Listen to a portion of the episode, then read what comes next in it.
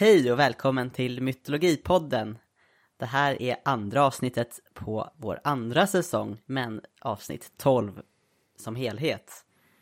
Vi som pratar är som vanligt Li och Erik! Jajamän, och Erik det är du som har valt dagens, eller månadens tema blir det ju. Och det är något så dramatiskt som döden. Har du kommit för att hämta mig? Ja. Jag har längre, länge poddat vid din sida. Ja. Jag såg faktiskt en Ingmar Bergman-film igår, så det var lite kul. En som han har skrivit. Så att det var, det var lite färskt i minnet. Jag, eh, igår, så, jag skulle vilja säga att jag var så kulturell så att jag tittade på en Bergman-film, men jag somnade när jag tittade på en person som gick runt på det nyöppnade Super Nintendo World i Japan. Eh, men det såg jättemysigt ut och så somnade jag till det och det var Super Mario-musik i bakgrunden. Ja, det låter helt okej det Ja. också. Bra. Ska vi köra igång ganska så snabbt? Ja!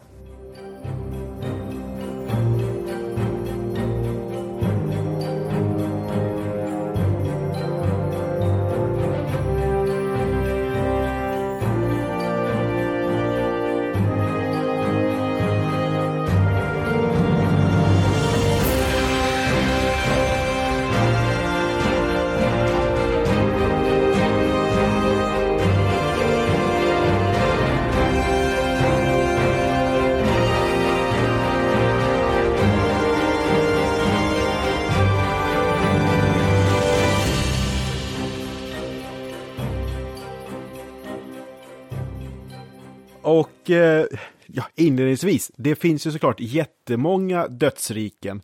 För vi kan vara relativt säkra på att alla människor som har levt i historien har råkat ut för döden.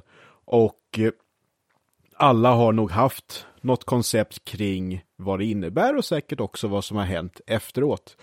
Och jag tror att det här egentligen är en sån mytgruva så att vi borde kunna återkomma till det här i framtiden när vi börjar få slut på andra mer kreativa idéer. Eh, För jag, jag känner själv redan, redan nu, tre minuter in i inspelningen, att det finns så mycket mer jag skulle vilja prata om också. Ja, det enda, den, som jag tänkte så här innan vi börjar med att döden, alltså det temat, det är ju väldigt förknippat till, till människors perspektiv på, till kroppen och själen och hur, hur, hur det förhåller sig till, till den verklighet som de uppfattar att de lever i. Mm. Ja, nej men det är ju väldigt närvarande och jag tror att i alla historier vi har pratat om hittills så är ju döden där. Det spelar ingen roll att de, om de bygger världen av en död varelse eller om hjälten dör på vägen eller om hjälten måste hämnas någon som dör. Det är ju hela tiden så finns det där. Mm. Eller Gilgamesh som försöker bli odödlig. Ja, För att ja han men blir kolla. liksom rädd för döden. Helt, ja men perfekt att det finns hela tiden där. Men det som vi idag då ska kolla på och prata om, det är ju de som inte lyckades bli odödliga, utan det som händer i livet efter detta. Och vi kör som vanligt att vi har valt två stycken mytologier var. Och eh, ingen kommer bli förvånad när jag drar igång om ett tag, men jag kommer ha en liten bubbla i början. Och sen så kanske det väl är lite oundvikligt att råka komma in på sidospår förstås. Men jag tänkte alltså börja med en mytologi som vi är rätt säkra på att vi inte har tagit upp förut. Och det är den finska mytologin. Och här tycker jag om, återigen, som jag tog upp förut när jag pratade om Stalo i något avsnitt och jag pratade om Stalo från den samiska mytologin, att när vi pratar om fornnordisk mytologi så vet de flesta vad vi menar. Det brukar handla om Tor och Freja och gänget. Men i Norden så ingår ju också Sápmi och Finland. Finland är ju en del av Norden. Och även fast det är så så räknas inte finsk mytologi in i fornnordisk mytologi. Så därför känns det extra bra att prata om just finsk mytologi idag då. Och eh, den huvudsakliga källan vi brukar ha idag, den huvudsakliga skriften till den finska mytologin, det är då Kalevala som skrevs av Lönnrot på 1800-talet. Det här Kalevala ses ofta som någon typ av då den finska mytologins bibel eller kan också jämföras med eh, de isländska eddorna. Men själva tillkomsten av Kalevala tror jag är ganska viktig att bara ha lite grann i bakhuvudet, för den är inte helt okomplicerad. Så först lite om sånt i korthet och sen kommer vi till själva döden då. Mm. I det som är dagens Finland har det förstås funnits människor jättelänge och de har ju förstås haft mytologier. Det som finns i Kalevala bygger på väldigt gamla traditioner. Men på 1600-talet så blir det liksom mindre och mindre av sånt här. Och det har såklart att göra med de onda svenskarna som är och förtrycker Finland och också att det kommer då den svenska kyrkan som försöker begränsa de äldre hedniska tankarna. Så från 1600-talet, kanske tidigare, det har funnits korståg mot Finland och sådär också. Så det som säkert har varit en stor och rik berättelsetradition blir mer och mer begränsad. Sen på 1800-talet så kommer nationalromantiken igång och där om vi tar svenskt område så är det då eh, poeten Geijer, han återinför ju i princip ordet viking i svenska språket, så det är liksom hela den vågen. Och det kommer igång i Finland också. Det är dels, vad ska jag säga, akademiker från andra länder som intresserar sig för finsk tradition, men också inrikes så kommer det igång en tradition som går, in på, går ut på att då spara den här informationen. Och Lönnroth, han är då student och börjar samla in lite dikter och de här dikterna kallar man för runor eller runsånger och de som har kunnat de här sångerna kallas då för runosångare i, på svenska. När är, när är eh, Elias Lönnroth samlar in de här? Eh, han kommer igång i början av 1800-talet. Okej. Okay. Ja, eh, och jag tror att det var typ så här att det finns en svensk översättning av det här redan 1840, så det är liksom ganska snabba ryck i början av 1800-talet. Lönnroth, han som student samlar in lite dikter och han tänkte sig att det här skulle han kunna sammanfatta till någonting som blir flera mindre epos. Men så jag förstår så är det när han är i nordöstra Finland mot Karelen. Då kommer han till en mer välbevarad berättartradition och börjar få ihop det som faktiskt gör att hela det som blir Kallevalla skulle kunna ha en samlad röd tråd. Och då kommer då tanken på att det här ska bli ett epos, ett enda stort epos. Och nu är då Kallevalla det finska nationaleposet. Då finns det ju förstås kritik mot det här att det är ju då en modern människa i modern tid som har sammanfattat flera olika folktraditioner och kört det samman till en och samma historia. Och där är ju folk som har sagt att de flesta runosångarna har ju inte kunnat hela Kallevalla utan till utan de har kunnat delar. Men då sa Lönnroth att han är en runosångare, bara det att han har haft ett mycket större material att använda sig av. Och på så vis skulle han då vara en del av en väldigt gammal tradition. Och det tycker jag ändå är ett ganska charmigt sätt att se på det.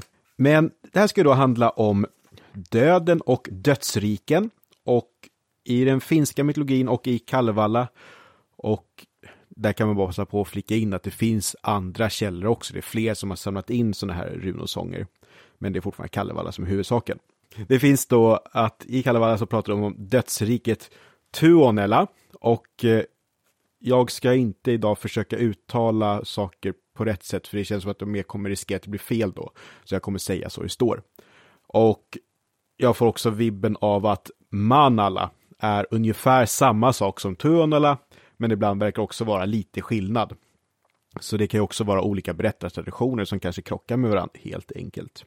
Och eh, det som gör att det finns en gräns mot det här dödsriket, det är en svart och läskig flog och det tror jag kanske till och med kan vara lite grann en röd tråd genom flera dödsriken. Och där kanske är just att vattnet blir en gräns. Och bara man ska ta sig till Tuonela så är det flera veckor veckor av svår terräng och man ska gå genom vatten, man ska gå genom tät skog och det verkar vara allmänt jättejobbigt att ta sig dit. Men det finns några som har försökt ta sig dit med flit. Sen så är det förstås många som kommer till dödsriket för att de helt enkelt dör. Och då är det sagt så att många kommer till Manala, men få kommer därifrån. Och det känns som att det är lite grann så dödsriken fungerar. En som försöker ge sig dit, det är då en av Kalevalas hjältar. Och det finns en mer huvudsaklig hjälte, jag kommer komma till honom sen. Men nu bara lite grann i korthet om hjälten Lemminkainen han är väl som så många manliga hjältar på jakt efter att få gifta sig. Och han har sett då att det finns en kvinna han är lite förtjust i och hon finns i den mörka världen. För det är inte bara till dödsriket och de levandes värld, utan så jag förstår finns det också en ljus värld som heter Kallevalla och en mörk värld som heter Pohta, eller Poita. Och han har då sett den här tjejen han vill ha i den mörka världen. Men han ska inte bara få gifta sig med henne hur enkelt som helst, utan eh, den här flickans mamma, eller kvinnans mamma, säger att han måste utföra tre stycken utmaningar först. Och det här tycker jag är lite spännande med konceptet och hjältens resa vi varit på förut, för här kommer det verkligen någonting han ska klara av. Och i mina anteckningar har jag valt att sammanfatta det här som tre stordåd. Och det tredje stordådet, det är då att han ska skjuta den, den vackra fågeln som finns i Tuonala. Och det här är då en vacker svan.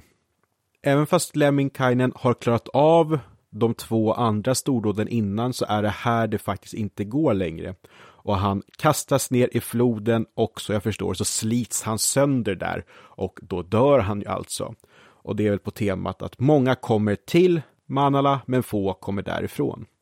Sen så är det då att jag i, inte helt hundra på hela handlingen här, men så jag förstår så är det så att Lemminkainens mamma kommer sen att få tillbaka hans kropp och då tror jag också att han kommer tillbaka till de levandes värld, men han dör en gång i alla fall. Eh, men sen har vi då Kalevalas huvudsaklige hjälte och det är Vainamoinen.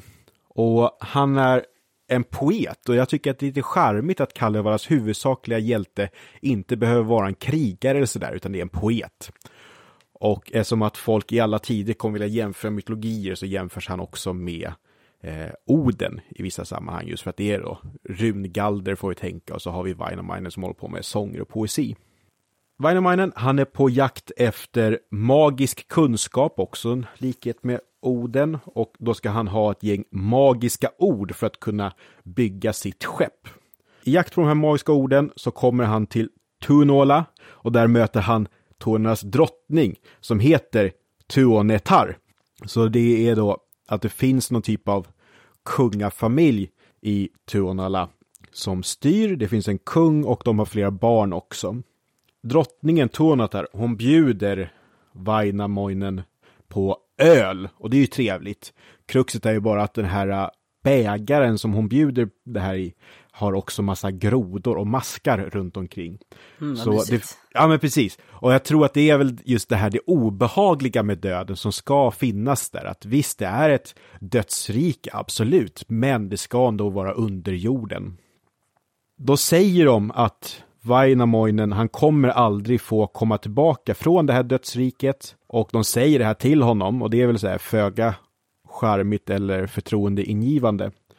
Men sen när han ska sova, då är det någon typ av nät eller metallnät som kastas över honom för att då dra ner honom i döden för evigt. Men Vainamoinen, han är inte bara poet, han är också magisk. Så han förvandlar sig till något vattenliknande så att han helt enkelt kan ta sig ut ur det här nätet. Och alltså är han en av dem som faktiskt kan ta sig ut ur dödsriket i den finska mytologin. Det är väl det som också är, att han är den huvudsakliga hjälten, att han är en av få som då har lyckats på eget bevåg att både ta sig till och ifrån dödsriket. Det tycker jag är en ganska häftig historia som vi absolut kan ta upp i Hjältens resa del 2. Nej, del 3, vi gjorde två avsnitt. Tan tanken är ju att vi ska ha ett, eh, eller jag har en tanke att vi ska göra ett Kalevala-avsnitt den här säsongen. Jaha, ja men det blir det. För det är ju liksom, ja men både du och jag, vi, om ni som lyssnar inte redan har förstått det så är vi väldigt intresserade av mytologi. Men Kallevalla har jag liksom inte satt mig in i. Jag har den här boken hemma, jag har suttit och bläddrat i den. Men jag har liksom inte tagit mig tid att faktiskt sätta mig in i. Men det jag slogs av, det var ju att det var ganska trevligt med just att det fanns en röd tråd. Ja. För Eddan, det är jättemånga dikter. Och läser man istället Snorres Edda så är det fortfarande ganska hoppigt mellan olika ämnen. Men det här tror jag faktiskt man skulle kunna läsa lite mer romanaktigt. Jag hoppas det. Jag köpte den nu i vintras liksom med, Mm. med, med tanke att nu i år ska det hända. Nu ska den läsas. Det här är Kalle Vallas år. ja. Mm. Och eh, Tolkien har ju, det har vi säkert också redan, var ju väldigt inspirerad av karaktärer och teman från Kalevala. Så att det är liksom ett extra lager av intresse där för mig som gör att jag, jag borde verkligen läsa det nu. Jag såg faktiskt det på, på Wikipedia. Om jag gick in på engelska Wikipedia så på Kalevala så var det förstås massa punkter om vad som händer, vad det är för källor och var det kommer ifrån. Och jag tror att Tolkien faktiskt hade en egen rubrik där. Men den Nej, men han, har, han har ju skrivit en egen version av en av berättelserna där i. Men vi ska inte fastna i det nu, nej nej nej, okej. tänker Ja. jag. Fortsättning följer. Ja, nej men så dödsriket i finska mytologin verkar ju hur som helst vara mörkt, kallt, svårt att ta sig till, ännu svårare att ta sig ifrån. Mm, verkligen. Ungefär så. Ja, eh, jag tänkte det du var inne på med att det liksom finns lite en ljus värld och en mörk värld. Det, det, är, det är väldigt vanligt att det finns parallella världar, att man har den här levande världen och så finns den här mörka döda världen och kanske andra också. Eller en andevärld, en dold värld och så vidare i, i väldigt många mytologier. Eh, så det kommer vi nog komma in på i nog varje, nästan varje exempel som vi har nu i avsnittet. Ja, bara i den där lilla sammanfattningen så sa du flera nyckelord till min nästa myt. Så Ja, då så. ja. Ja, t- ja, och nu, jag tänkte också här med re reinkarnation är ett ganska viktigt begrepp. Eh, när man har med döden att göra, liksom vad som händer efter man dör. Och kommer nosa lite på det på mitt första tema som kommer snart. Mm. Och med det, ja, det jag kommer in på, det kommer nästan bli som en liten hjälteresa det också, så det ska bli spännande. Trevligt. Men då får vi se om du kan göra någon mer upplyftande historia här. Det kanske inte riktigt blir det idag. Ja, vi får se. Ja, Men ska jag börja med mitt? ja men varsågod.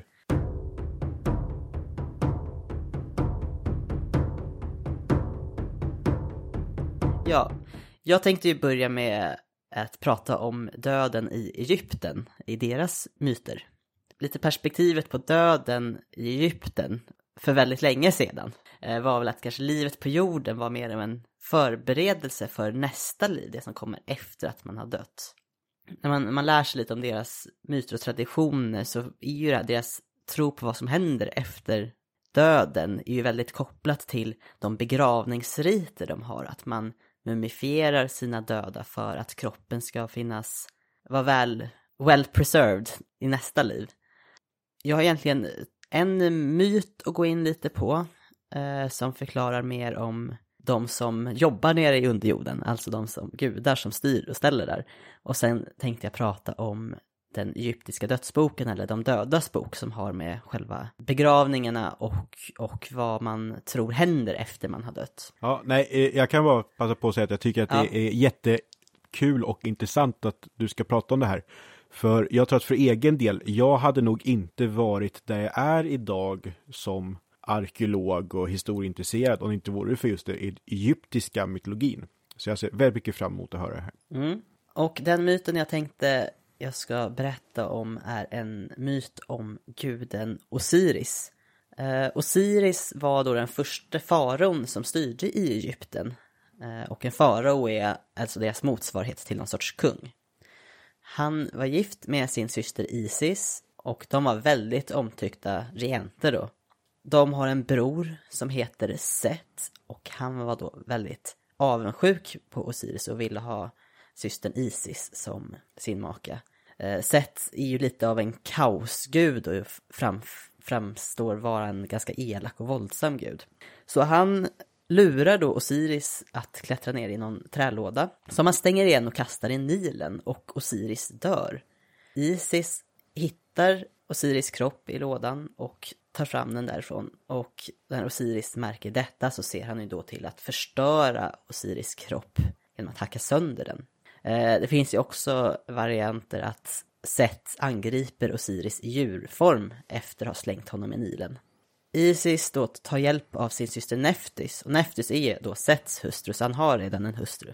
Men de systrarna tillsammans hjälper ju till att sätta ihop delarna av Osiris kropp och lindar ihop dem.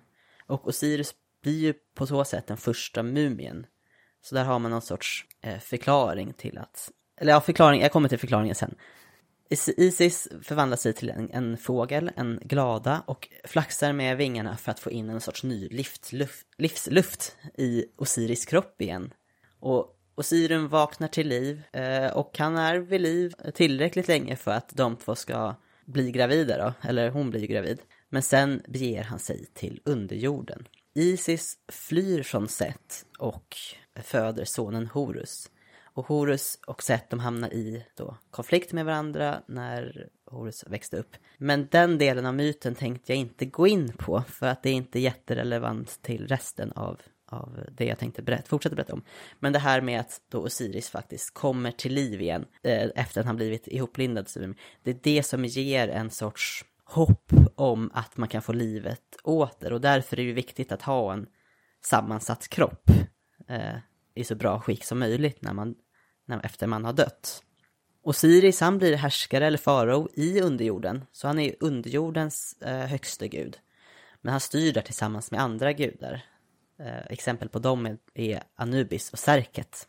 Det finns en eh, kult som är tillägnad Osiris, eller fanns i alla fall, i staden Abydos. Och där höll man en festival där man återskapade då den här berättelsen om mordet på Osiris. Och det här, det här mord, mordmyten på Osiris är ju den viktigaste myten eller berättelsen från egyptiska mytologin. Just för att det här tankarna kring döden är så, ja, det genomtränger ju hela, hela samhället och hur man beter sig. Osiris i alla fall, han avbildas ju ofta som en farogestalt som håll, håller ett sorts en gissel och en hedersdag. Hans bror Seth avbildas ofta som en varelse med en så här lång böjd nos med någon sorts uppåtstående tofsar eller öron och med svans. Alltså, man har ju sett alla de här gudarna avbildade så himla mycket men det är inte alltid man kommer ihåg vilken, vilken bild som hör till vem. Så det är därför jag går igenom Ja, deras jag, utseenden. si- jag sitter just och funderar på, för Osiris, visst är det han som är lite blågrön också? Åh, det kommer jag inte ihåg. Men han, han ser mänsklig ut ofta Ja, i alla fall. ja. Och har någon så här faro-hatt, säga. men inte faro-hatt, men så här hög. Mm. Isis, hon avbildas oftast i människoform också då. Och har någon sorts krona med, en, med någon avbild, alltså ja, krona med någon sorts tronform på huvudet. Jag vet inte hur överens alla om att det är, att det är en tron, men någon sorts stol låter ju lite va- vanligt, men och deras son då, Osiris och Isis son Horus, han är ju den guden som avbildas som en människogestalt med falkhuvud. Så han är ju väldigt lätt att känna igen. Eh, det finns tankar om att de faraoner som styrde sen efter Osiris, att när de dör har de på något sätt blivit Osiris i underjorden. Så faraonerna dör och blir Osiris. Och just den här eh, myten med att Osiris dör och återuppstår, det finns en koppling också till skörd på hösten och eh, nyväxande grödor på våren. Att Osiris återstår, och återuppstår på våren. Så det var det om Osiris tänkte jag. Vad gäller de vanliga människorna, eller åtminstone de rika människorna, så när man dör så får man med sig en eh, sorts begravningsbok. Det här skrivs ju då oftast på papyrus då, som kallas för De dödas bok. De uppfördes då till enskilda individer. Det är inte en enda bok, så varje person som dör får en egen begravningsbok eller dödsbok. De är inte alla exakt likadana, men följer ett ganska likartat format. Där är det liksom lite anpassningar efter den personen som blir begravd. Och de var då beställningsvaror främst för de som var rika. Och boken fungerar lite som en instruktionsmanual eh, för efterlivet, vad som händer och vad de gör då när de har dött. De beskriver också många av gudarna och myter kring dessa och det är därför man vet ganska mycket om egyptisk mytologi. Eh, för man stöter ju på de här gudarna i efterlivet. Eller att man har, i vanliga livet har de haft en särskild koppling till dem om man till exempel varit präst eller prästinna för en särskild gud. De dödas bok innehåller olika formler och besvärjelser som man då ska ha nytta av när man är död. Och de beskriver vad som händer med den döda. Och det som då händer när man har dött enligt deras världssyn är ju att de ska ju då resa i underjorden. Underjorden kallas för duat. Och där stöter de på olika hinder och faror som till exempelvis gifta, giftiga ormar. Jag höll på att säga gifta ormar, men giftiga ormar. Och då använder de besvärjelser från dödsboken för att kunna skydda sig själva. I slutet av eh, den här farliga resan genom underjorden så ska de här själarna fram, för det är inte, det är inte människorna och deras kroppar utan det är själen bara som kommer till, till underjorden Duat. Och i slutet av resan där så ska de dömas i de två sanningarnas sal. De genomgår ett genomgår förhör hos gudarna och då måste de förklara sin oskuld för alla gudar. Eh, den högsta dömande guden är Osiris, och, men han har två, 42 stycken bisittande gudar som är med och dömer olika aspekter av själen. Och en del av det hela är att deras hjärta då ska vägas i, eh, på en våg. Och som motvikt i den andra vågskolan så är vi då en gudinna som heter Mat. Hon har en fjäder som hon är en sorts rättvisegudinna. Och hjärtat då är då det enda organet man sparar då vid mumifieringen och det är just för det här momentet som hjärtat måste finnas kvar. Och är hjärtat tyngre än fjädern betyder att då hjärtat är fullt av synd och då äter Amut, den så kallade dödsluken, upp hjärtat. Ibland så äter de upp hela individen, alltså den döda, eller dens själ. Eh, men med rätt besvärjelse i dödsboket så går ju detta att undvika. Och är är hjärtat lättare än fjärden så får själen gå vidare till nästa steg i processen. Eh, de ondskefulla personerna, de döms då till någon sorts slutgiltig död utan mumifiering, vilket betyder att de kan inte återfödas. De kan inte gå vidare till ett andra liv. De vanliga människorna, de som är varken, varken onda eller upphöjda, alltså så här fantastiskt goda, de får tjäna Osiris i all evighet. Men de här fina, ärbara själarna däremot, de tillåts att gå vidare till ett lyckligt liv i en sorts paradis som kallas för Vassfälten. Jag, har, jag ska på vår hemsida länka till en video där, alltså TED-Ed-video som ligger uppe på YouTube, som går igenom en särskild persons eh, dödsbok, mm. en animerad film. Där, därifrån kommer ju lite av de här, Eh, kan, kommer, eller kommer, kommer ni känna igen några av de här stegen i alla fall. Och mumifiering då gjorde man ju för att kroppen skulle må bra och se bra ut även i dödsriket. Vi vet ju också att man mumifierade husdjur och heliga djur som katter då, som människorna skulle ha som sällskap efter döden. Och då kopplingen till den här myten kring Osiris gav ju, de här, gav ju det här hoppet om återfödelse och ett, i förlängningen av det ett evigt liv. Hela den här mumifieringen som begravnings begravningsritual är ju en sorts återskapande av den här Eh, myten kring Osiris. Kroppen skulle de behöva i personernas nästa liv. Alltså då de, kanske när de kommer då till vassfälten gissar jag. Efter att det har bedömts av gudarna. Det var det jag hade på Egypten. Jag tyckte det var jättekul att lära, mm. liksom läsa på om det här. Det, känd, det är ju väldigt... Det kändes väldigt konsekvent ändå när jag läste på om det här. Det är klart det finns jättemycket variationer tolkningar på vad som händer. Men det är för att det är så många, man har hittat så många olika exempel på dödsböcker då, som beskriver vad som händer efter döden. Men ändå ganska, finns ändå en ganska stor konsensus uh, om de här, de här grova dragen. Ja, men det är jättespännande och som du säger att det, det är klart det kan vara skillnader och man får ju komma ihåg det att det som vi kallar antika Egypten, det är ju flera tusen år. Mm. Att eh, om man bara tar Kleopatra, att hon är ju närmare att iPhone släpps än att pyramiderna byggs. Såg jag som en kul jämförelse igår. Ja, det är att, ju helt sjukt att tänka ja, på. Uh, och med det menar jag inte att hon har mer att göra med iPhones än pyramider. Men att det är väldigt mycket som händer under den tiden som verkligen är att Egypten mm. är en viktig makt och att det är alltså, en röd tråd på olika mm. sätt. Mm. Nej, för jag tror, om jag kommer ihåg rätt, det här med dödsboken, alltså det, det tror jag inte är något som förekom under hela den perioden utan det är en ganska specifik period som man hade den praxisen. Att man mm. upprättade de här dödsböckerna. Ja. Ja, nej, eh, jag kommer bara det här med, du pratar om slutgiltiga, alltså han, den där äh, ätaren i livet efter detta, vad heter den? Amut, dödssluken. Dödsslukan, fantastiskt namn. Eh, där bara på tema egyptiskt liv efter detta, att eh, jag var på någon föreläsning om just Egypten någon gång. Och där pratade föreläsaren om att det var väldigt viktigt att man skulle kunna komma ihåg namnet på den döde. För att då enligt säkert någon viss, jag vet inte om det var en lokal tradition eller en tradition förankrad i en viss tidsperiod. Men att man får bara finnas i livet efter detta så länge det fortfarande finns folk som vet vad du heter. Och sen så fort du är helt bortglömd, att det är då den här dödsslukaren äter upp det helt och hållet. Mhm. Eh, och eh, då bara med det perspektivet, att då finns det ju då flera faraoner som förstås har tillfört olika saker i sin egen samtid. Men så finns det då den här kvinnliga faraonen som heter Hatshepsut. Och när hon sen dog, då systematiskt så har andra faraoner sett till att hennes namn och avbildning ska försvinna. Och på så vis tar man inte bara bort henne ur historieböckerna utan till och med ur livet efter detta. Mm. Eh, Så det kan ju bli något politiskt i det där. Mm, Men sen-.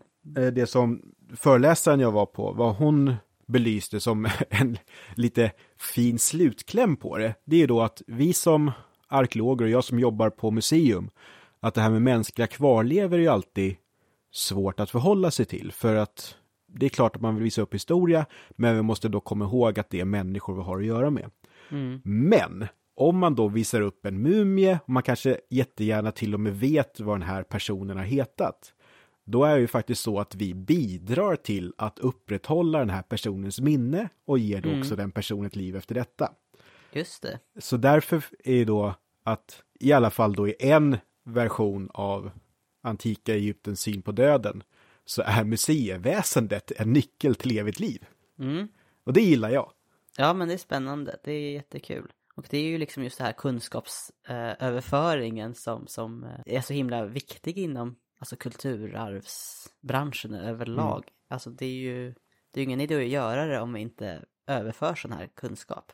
Och ja, det jag också tänkte på det här med, som vi kom in på just med det här egyptiska, kanske mer än i din finska, är ju det här eh, hur, hur myterna informerar eh, sitt samhälle om hur, hur begravningsritualer ska till. Vad gör man med kroppen när den har dött? Att, ja, men, vi har de här berättelserna att förklara varför vi gör som vi gör. I det här fallet hade vi ju liksom att det var viktigt att bevara kroppen, men andra, andra samhällen då har ju kanske varit viktigt att frigöra själen genom att förgöra kroppen, att man har tänkt på ett helt annat sätt. Eh, och att det här med liksom att hur, hur själens koppling till kroppen, hur stark den är eller inte. Det finns ju vissa kulturer som har hållit på med kannibalism för att liksom, liksom ta över en del av någon annans persons själ genom att ä, äta en del av den personen. Ja, och jag tänker också eh, i Soratoraismen, så den ska ha varit i Iran, framförallt i, eller Iran och omkringliggande områden, framförallt i ett historiskt perspektiv. Då den dödes kropp gärna ska ligga på ett sätt så att det är fåglar som kommer åt den. Att det finns speciella byggnader med platta tak där man då har lagt den döde just för att den döde då ska återgå till naturen på det viset. Ja, Och det finns ju något liknande i Tibet också med sky burials. ja just det. Så, och det, kära lyssnare, googla inte på det. Det är jättejobbiga bilder. Så har jag det sagt. Been there, done that. Eh, Så ja, vi har, en, vi har ju fått in eh, lyssnarfråga så vi kanske ska ta ett litet, liten paus här från döden. Det är ju ganska tungt ämne. Ja, musik.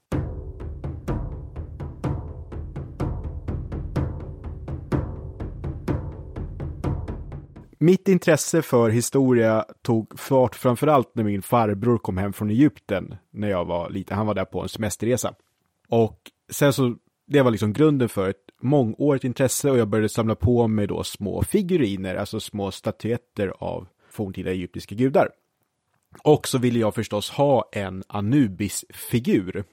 Och det här är då 90-talet och då finns fortfarande butiken Fantasia på Kungsgatan. Var du där någon gång? Oj, nej det känner jag inte igen. Nej, det var så här, När, när var det sa du? mitten av 90-talet, att de stängde innan millennieskiftet. Okej, vi var nästan aldrig inne i stan. Okej, ja. Nej. Nej men så, då, det var bara så här häftig butik. Jag, I mitt huvud så ser det ut som någonting som borde finnas i Diagongränden. Eh, men där visste jag och min familj att det skulle finnas eh, så här Anubis-figurer, nytill, nytillverkade. Och då åkte vi dit för att jag skulle få köpa en sån. Och då bad jag han som hade butiken att ta fram en sån ur skåpet. Och då ville han vara jättepedagogisk. Så vi gick fram och tittade på det här och han sa, vet du vad det där är för någonting? När jag pekade på den. Och jag var ju då från Brottby och bland de andra sexåringarna i Brottby så fanns det inte jättemycket samtalsämnen kring forntida mytologi. Så jag tänkte att han var säkert på samma nivå som mina polare. Så jag säger en hund. och pekar då på Anubis. Och han bara, nej, alltså, ja det är en hund, men det är då en speciell typ av hund. Utan det är schakal, det är Anubis som är dödsguden. Och jag visste ju redan det, jag tyckte det var jättepinsamt. Och sen när vi går därifrån, pappa han började reta mig för det där. Att du vet ju vad det där är för någonting egentligen. Och då kan man tänka att det här borde ta slut då någon gång i mitten av 90-talet. Sen dess så har pappa retat mig för att jag kallade Anubis för den där hunden. Och nu har jag alltså haft en masterexamen i arkeologi i massa år och jag får fortfarande höra det här. Jag tycker att jag har bevisat mig själv, men jag får fortfarande höra den där hunden. Eh, så, så det är lite eh, sötsur kärlek till just Anubis för mig. Eller bitterljuv. Mm. Så jag säger inte att det är det här retandet som har fått mig att bli arkeolog, men det ligger helt klart i det. Motiva motivation att överbevisa. Japp. Eh, tack för att ni lyssnade på min TED-talk om den där hunden. Men då vet vi att Anubis, eh, Anubis, gud vilket engelskt uttal jag fick den. Eh, Anubis har, har eh, hundutseende. Ja, och och det är ju då det här schakalhuvudet och där har jag läst någon sån teori om att eh, schakaler finns ju i Egypten i en typ av ökenhund.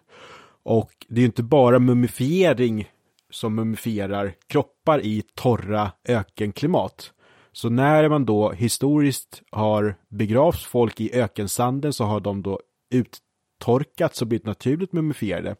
Och då har schakaler dragit upp de här naturmumifierade kropparna ur jorden. Vilket då skulle kunna vara en grund till hela Anubis-myten.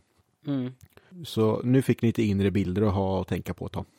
precis. För att gå vidare till det vi tänkte prata om Ja, först. ursäkta. Eh, Tack för tålamod.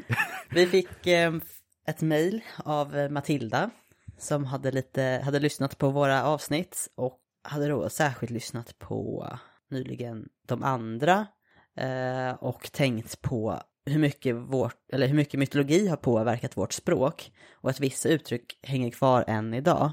Eh, till exempel veckodagarnas namn eller begrepp som bärsärkagång och så vidare.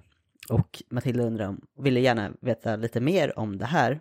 Och sen så också en fråga om att vi i avsnittet i andra nämnde eh, jättar, alltså rimtuschar, som, som frostjättar. Och det för ju tankarna till ordet rimfrost och undrar vad det finns för samband mellan det. Men jag tänkte vi kan börja med, med mytologi kvar i våra liksom vardags, i vardagsspråket. Kolla på lite exempel på det. Och det här har jag ju varit inne på innan då, att vi har ju då gudars namn på olika platser och orter. Det är ju inte bara gamla namn som, som Torslunda, Ullevi och Friggesåker, utan man har ju även valt att använda, referera till det här mytologiska i nya städer. Som i Stockholm finns, har vi Valhallavägen och Odenplan och Vanadis, Lunden, så att det är ju fortfarande ett levande, alltså ett nybruk att man ändå vill använda de här gamla myterna för väldigt nya platser. Många av de där mytologiska, fornnordiska mytologiska namnen i Stockholm är ju då i Vasastan. Vilket har lett till smeknamnet Asastan också. Jag för mig att det finns rätt mycket i, ehm, i Djursholm också. Okej. Mm. Eh, Och sen i Gamla stan finns det ju massa kvarter med anknytning till eh, grekisk mytologi. Eh, Kvarteret Medusa och sådär. Mm. Jag ska gå och kolla lite på det här begreppet bärsärkagång. Mm. Förtydliga det för er som kanske inte vet vad det innebär.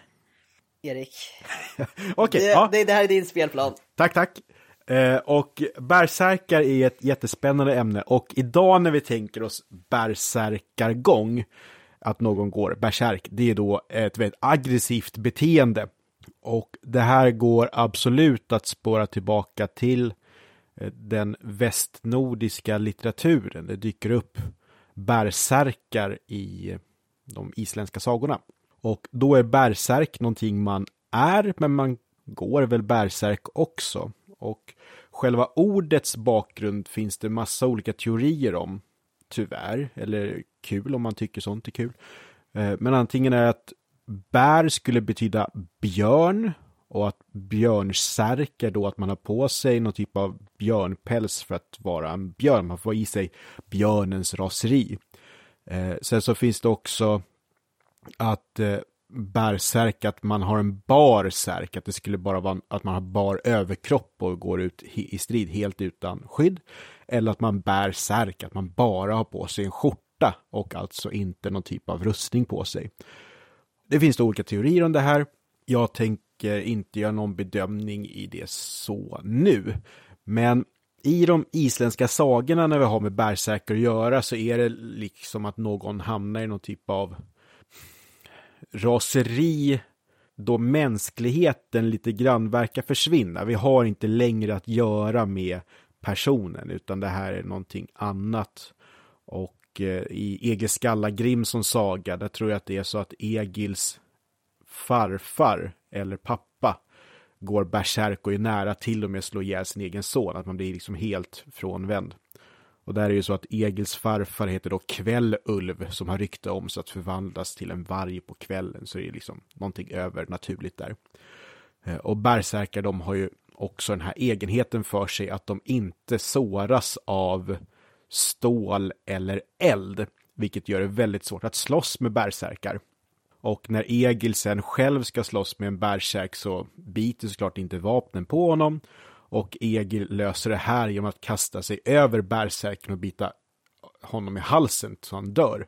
Vilket man då skulle kunna tycka är ett ganska bärsärkarlikt drag självt. Men hur kommer vi då till, från det här till fotbollssupportrar? Jag, jag ser framför mig huliganer när jag hör bärsärkagång idag. Eh, ja, man använder, ja, men det är väldigt bra att man använder det som lite, att man blir vild och våldsam. Liksom. Ja. ja, och med det sagt, jag vet att det lite finns... okontrollerat nästan. Ja, okontrollerat, det är en bra, det är ett bra nyckelord. Jag vill bara säga att jag vet att de allra, allra, allra flesta fotbollssupporters inte är våldsamma. Så jag, jag, ska inte dra någon över fel kam här. Och eh, jag vet inte riktigt hur, om det här ordet då skulle ha varit oavbrutet använt om det kanske har återintroducerats i de nordiska språken och även då i engelskan finns det också berserk. Mm. Eh, men jag, jag, kan tänka mig nästan att det är just med den akademiska återupplivandet av de fornordiska historierna som gör att det lite grann kommer tillbaka på samma sätt som nyss nämnda Erik Geijer, hur han börjar använda ordet viking igen. Sen, jag tänkte eh, gå vidare till veckodagarna också. Ja. Eh, därför har vi ju då tisdag, tyrsdag, onsdag, Odens dag, torsdag, torsdag, mm. fredag, Frejas dag och så söndag, Sunnas dag. Måndag är ju månens dag, det, det pratar man ibland om att det är en person också, mm. tidigt gammalt. Eh, sol och måne är syskon med varandra. Ja. ja. Mundilfares barn. Och lördag är väl lö lögardagen. Tvätt, ja. Alltså man tvättar sig.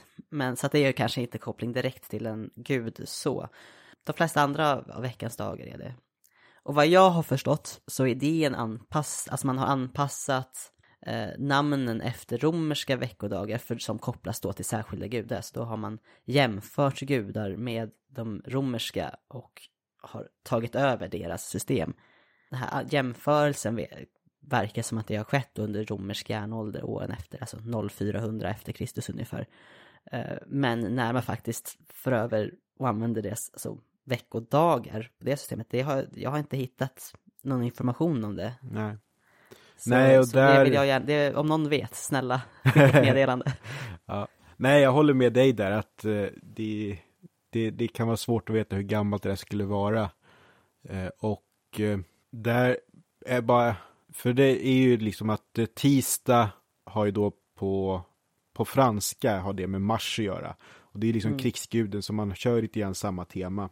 Mm. Eh, och eh, sen... Ja, i engelskan och tyskan har ju också, de har ju också kvar Saturnus eh, mm. på, på lördagar. Alltså Saturday, mm. Saturnus day. Ja. Och där då med lögardagen, det är väl framförallt engelska tidig medeltida källor som påpekar att de här nordiska människorna och vikingarna att de tvättar sig en gång i veckan och att det skulle då bli då det här lör, lögardagen. Mm. Sen så om man tar Ahmad ibn Fadlan han beskriver att de istället tvättar sig en gång om dagen så det beror också lite på hur man väljer att se på saken. Eh, jag har lite grek, exempel på grekisk mytologi också. Ah. Eh, från, vi har till exempel då Eh, begrepp som man ofta använder, akilleshäl. Mm. Eh, och Achilles är ju då en person som figurerade i Iliaden och kriget vid Troja. Och hans svaga punkt var ju hälen. Eh, han hade ju doppats eh, i, i en flod och den som doppade honom höll ju honom i hälen och kom upp. Så, och då var ju hälen oskyddad rent magiskt. Och där träffades han ju av en pil.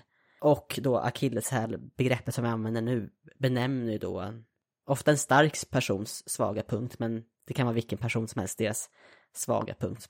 Och det behöver inte vara hälen, utan det är, det är där man är som svagast helt enkelt. Får jag göra lite reklam utan agenda? Ja. I mitt kvarter så finns det Achilles fotvård. det tycker jag är kul. Ja, fyndigt. Ja. Ja. Uh, sen så är jag har sett flera på internet som har bråkat om varför, vad heter hon, Tetis är väl Achilles mamma, uh, varför hon höll honom i hälen, varför kunde hon inte bara doppa ner sin hand lite också, så hade hon en oförstörbar hand, det hade varit bra. Och massa teorier om varför inte bara lägga honom i ett nät och kasta runt honom i vattnet ett tag. Uh, så. Ja, det är lätt att vara efterklok. Ja. Men hur, st hur stor chans är det att någon ska skjuta mot hälen liksom? Ja. Nej, det är... Och så har vi Atlas, den här titanen som lyfter världen på sina axlar. Och en atlas är ju en bok med kartor. Det behöver inte säga så mer om. Det är bara, där används mytologinamn in i vardagen. Inte Mm. för att vi använder sådana böcker, bokatlas så mycket längre, eftersom det mesta är digitalt, men Oidipuskomplex är ju en term inom psykologin som in, är inspirerad av den här tragiska myten om Oidipus. Och själva det här psykologiska är ju som man, som, som man syftar på är när, när, när en person ser en förälder av samma kön som konkurrent kring liksom känslorna från, från föräldern med motsatt kön. Det finns ju en klassiker också på temat grekiskt i vardagen. Eh, nu blir det mer reklam, men det här rengöringsmedlet Ajax. Mm, just det, Eh, och, det har jag eh, inte tänkt på. nej, och då är det några genier på internet som har upptäckt att eh, på engelska att man Ajax använder man för att ta bort fettfläckar och fettfläckar på engelska är grease. Och Ajax är ju den hjälte som slåss mot grekerna. Mhm. Eh, och det ska tydligen finnas någon äldre reklamkampanj då Ajax Fight Grease. Eh, och det är då ordvits på en nivå som jag strävar efter. Ja, det Eh. var ju det var en helt nytt för mig. Fan vad häftigt. Ja, nej, och sen jag läste olika saker om hur medvetet det är egentligen, men jag tror att det är nog är någon som tänkte till en gång i alla fall. Ja, men det måste det ju vara. Ja. Eh, trojanska hästar hoppas jag att ni inte har eh, i era datorer. Ja. Och en trojansk häst, jag tror de flesta är bekanta med myten, eh, som också är från Iliaden då, när grekerna lurar den trojanska staden med att de har lämnat en stor trähäst gömd, och där i har de proppat in massa soldater då, som, så ska ta de in hästen i, i staden, och soldaterna går ut på natten och ja, börjar röja runt helt enkelt. Så, och ja, det är ju precis det virus trojanska hästvirus är att de förkläs som något annat och när de kommer in så lever de rövare. Det sista jag hade, det finns ju många fler exempel här, eh, är ju då begreppet en odyssé. Och en odyssé är ju en lång resa och begreppet är uppkallat efter myten om Odysseus resa hem från Troja i verket Odysseen. Hmm. Vad många du hade hittat. Kul. Hade du letat något? Jag har inte letat någonting alls, men jag sitter och funderar just nu. Jag tänker på det här begreppet att nagelfara något. Ja, det är ju ett bra, bra exempel. Nu kan inte jag riktigt definiera vad att nagelfar någonting innebär, men nagelfar är det skepp som jättarna kommer med i Ragnarök. Det är Loke som är styrman där. Och det är då ett skepp som ska vara byggt helt av döda människors naglar. Vilket också skulle vara någon typ av förklarande myt till varför det är bra att klippa naglarna har jag läst. Vet inte om det bygger på någonting egentligen. Men sen så finns det också teorin att nagelfar egentligen bara är ett vanligt skepp, för nagel betyder spik på äldre nordiska också. Så det är helt enkelt att båten sitter ihop med spikar, vilket ju båtar gärna gör. Enligt Wiktionary så är då nagelfara att granska noga eller kritisera. Och då får man väl tänka att de jättar som kommer i nagelfar, de granskar noga och kritiserar gudarnas ordning. Ja, eller Någon, någonting. nå- någonting. Ja. Vi, vi, vi forskar inte vidare på det exakt nu. Nej. För Då får bli lite dödtid här för att sitta och lys lyssna på tangenttryck. Fast det är just det det här avsnittet ska handla om, Li. Tangenttryck? Dödtid, Ja, dödstid. men åh!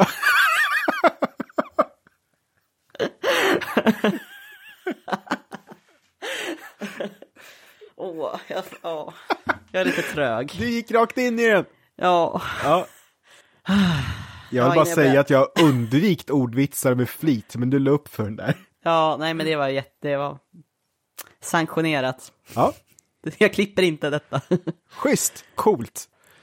Ja, och sen Matilda har också frågat just om det här med rimtuschar som alltså frostjättar och ordet rimfrost. Där finns något samband mellan eh, rimfrost och rimtuschar, alltså frostjättar. Och där kollade jag upp ganska snabbt på Wiktionary och det är så att ordet rim är från ett fornnordiskt rim, men det stavas med H-R-I-M på fornnordiska. Eh, Det betyder frost och har rötter i äldre urgermanska språk. Eh, engelskan har ju ordet rime, R-I-M-E, som också har då samma, samma grund. Och där då betyder det också frost eller skorpa, alltså som crust. Så jag, jag tänker det är lite, här, lite krispig frost, Mm. typ. Eh, och ordet frost eh, är, också, är från protogermansk frustas och det är bildat från ordet ver, från verbet för att frysa, frojsanan. Jag, jag kan ju inte uttala något av det här. Men så då vi har alltså frost, ordet frost kommer från verbet för att frysa medan ordet rim är mer frost rätt och slätt. Alltså som crust frost. Ja. Eh, så att de, det är liksom när man säger då rimfrost så är, säger man frostig frost nästan. Tolkar jag det som. Ja, då, då vet man vad man har att göra med. Ja. Och googlar man då på rimfrost så får man ju väldigt bra bilder på den här.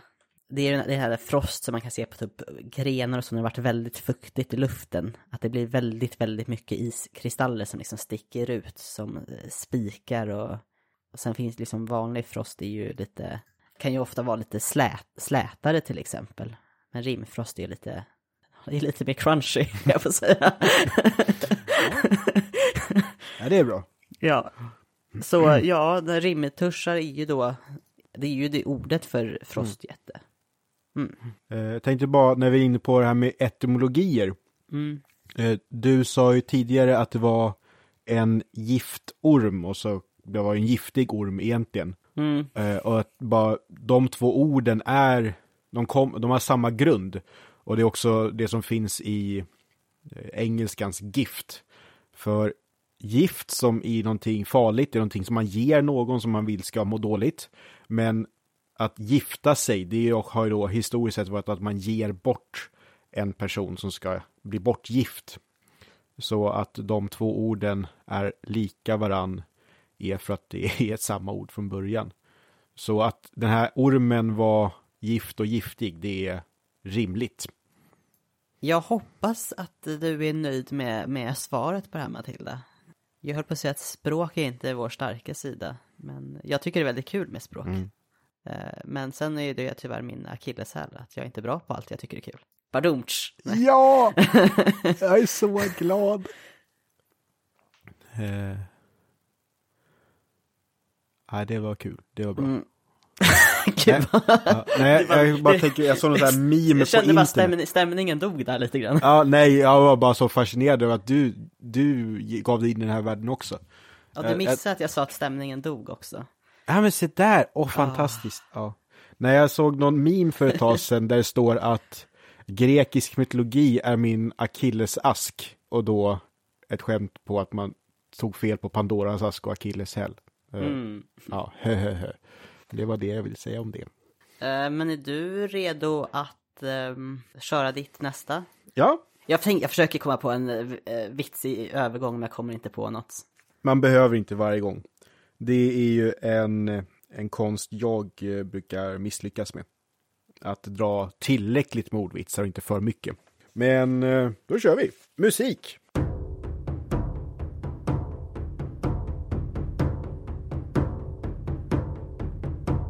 Så, nu Erik ska du få ta vid döden fast Ja. i ditt favoritämne. Ja, jag tror nog att om, om jag så här nu, alla ni som lyssnar, på tre, då säger ni vad jag kommer prata om. Ett, två, tre. Hörde du Li? Alla sa nordisk mytologi. Ja, Ja, de sa det. fantastiskt. Det enda jag tänkte på när vi har, har musik mellanbrottet här, om vi hade haft väldigt mycket pengar, ha licens för um, Led Zeppelins låt. Immigrant Du. Song. Ja, precis. Ja. Det hade passat här. Ja. Inför Eh, just det här segmentet. Nej, ja. Nej, jag har ju min dröm att Hollywood någon gång ska göra en vikingafilm som börjar med attacken mot Lindisfarne. Då man ska se drakskepp, drakskeppen i dimman som är på väg mot England och då ska de börja dundra Immigrant Song av Led Zeppelin. Kom ihåg vad ni hörde det först. Men dödsriken i nordisk mytologi, det finns massor med dödsriken. Eller massor, det är inte hundra vad jag vet, men ett gäng i alla fall. Och eh, det är förstås intressant. Och några av de här dödsrikena tror jag kan vara ganska välbekanta för flera. Men sen så tänker jag att det ska vara några bubblare också. Och man kan ju bara inleda direkt såklart med Valhall. Eh, och det är ju då det pampigaste dödsriket och det är också det som många strävar efter. Och Valhall, det är ju där Oden styr och ställer, det är han som är ledare för Valhall och de som kommer till Valhall är ju de fallna krigarna. Och eh, det fornnordiska namnet för fallen krigare är Val och Valhall är då de fallna krigarnas hall i princip. Och de som hämtar de döda krigarna, det är ju valkyrierna. Och då har vi återigen ordet val, fallna Alltså, krigare. jag, alltså att jag aldrig gjort den kopplingen. jag är trög. och sen så andra halvan av eh, Valkyria, alltså Kyrja, det är, eh, kommer från att välja. Och det är kognat, alltså samma ord som i engelskan, engelskans choose. Så Valkyrierna är de som faller, väljer fallna krigare. Och eh, hur de väljer, där går källorna isär lite grann. Om det är så att Oden säger till valkyrierna, åk nu och välj ut den här personen som ska dö. För Oden vill ju ha vissa krigare till sitt gäng. För de som kommer till Valhall, de är einhärjar och det är sen de krigarna som kommer hjälpa gudarna i Ragnarök. Så det är då Odens privata armé. Men sen så är det också så lite grann att eh, det är valkyrierna som själva väljer ut vilka som ska dö i strid så tas de med till Valhall då. Och här är mycket Hakonar Maul och Eiriksmal som det här skulle bygga på just de här två olika synfälten. Eh, men där tänker jag på i Eddan, den äldre Eddan. Där är ju så att eh, hjälten Sigurd, han träffar ju valkyrian Brynhilde, eller Brynhild, som är försatt i magisk sömn. Och det är ju hon som ett straff för att hon gick emot Odens vilja. Oden ville att hon skulle se till att en person dog, men hon valde en annan istället. Och det var ju alltså någonting som var straffbart.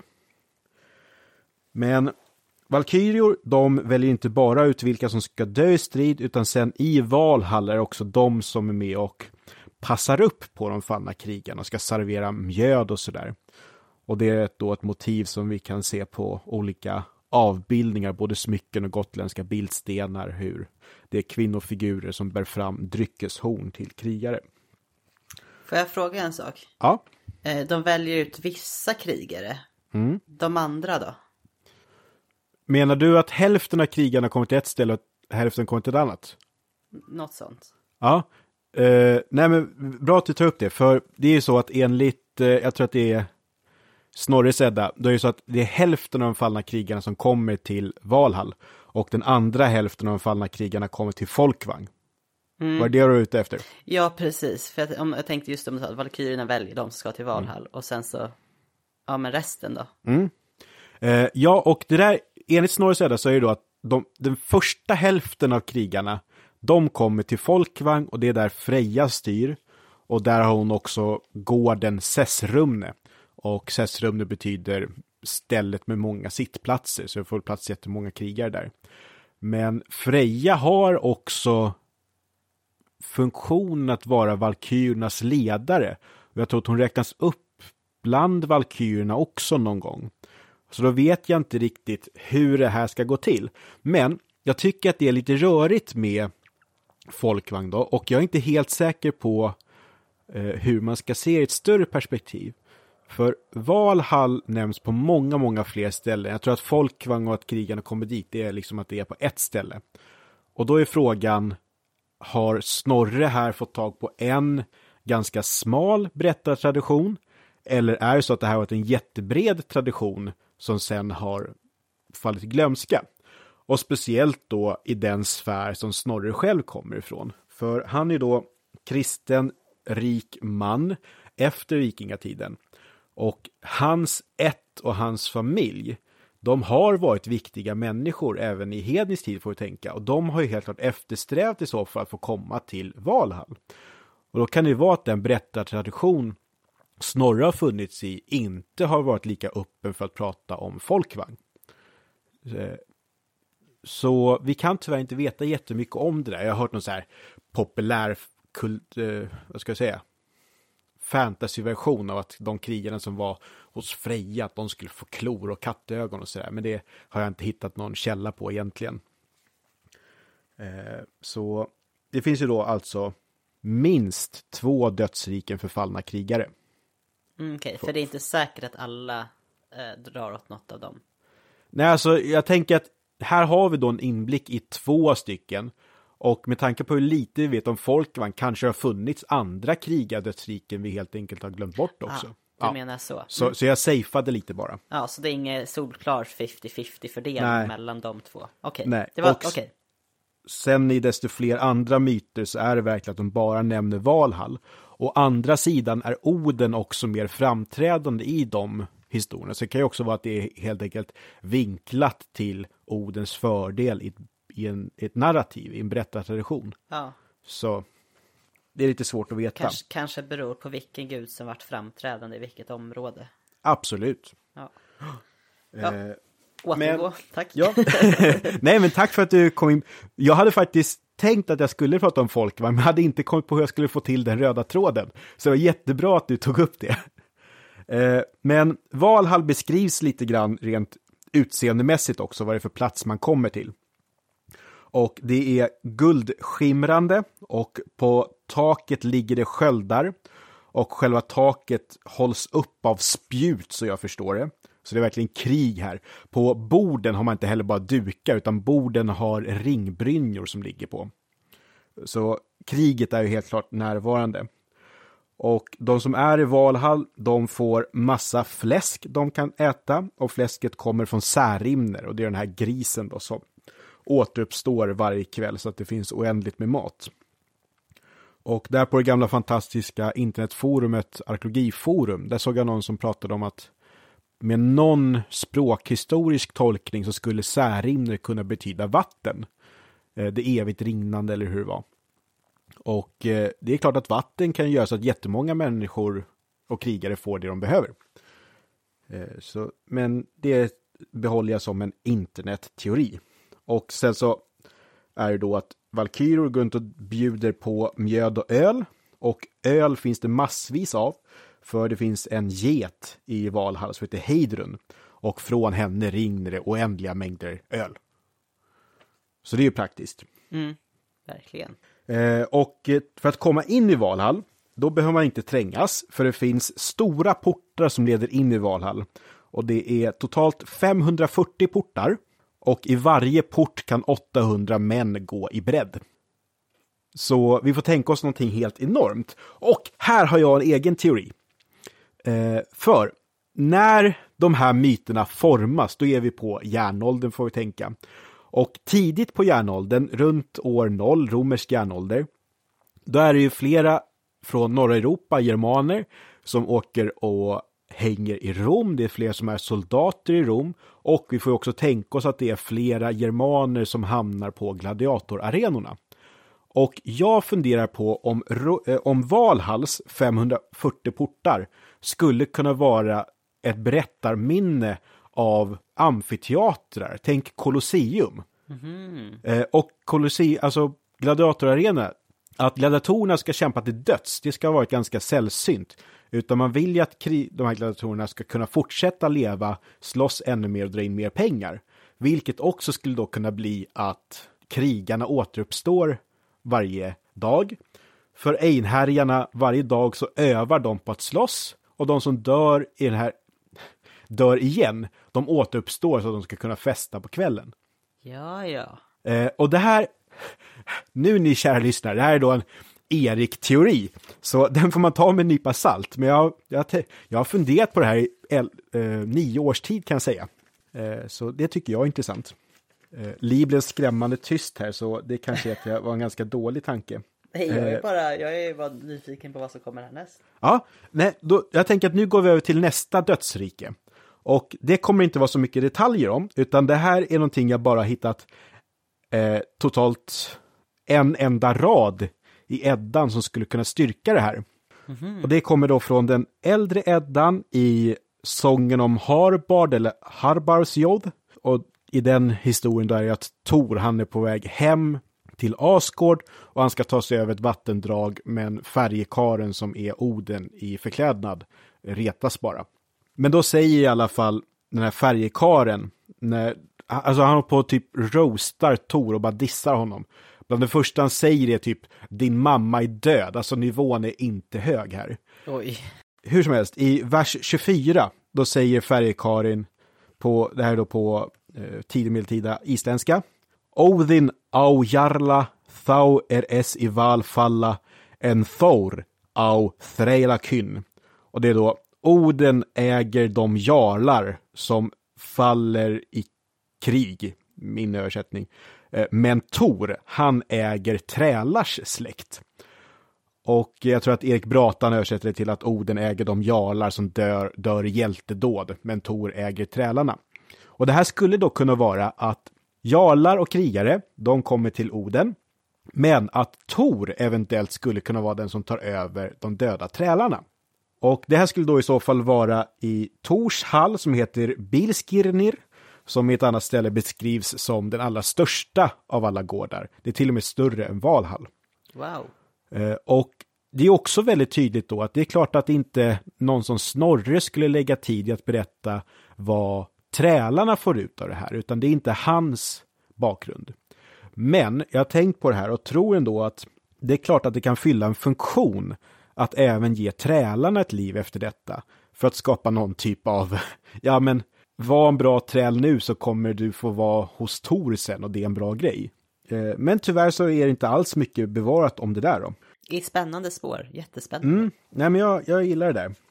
Men sen då finns det ju fler dödsriken. Vi kan ta att eh, de som dör genom att drunkna i havet, de kommer till Ran. Och Ran är då gift med Äger, det är då havsjätten.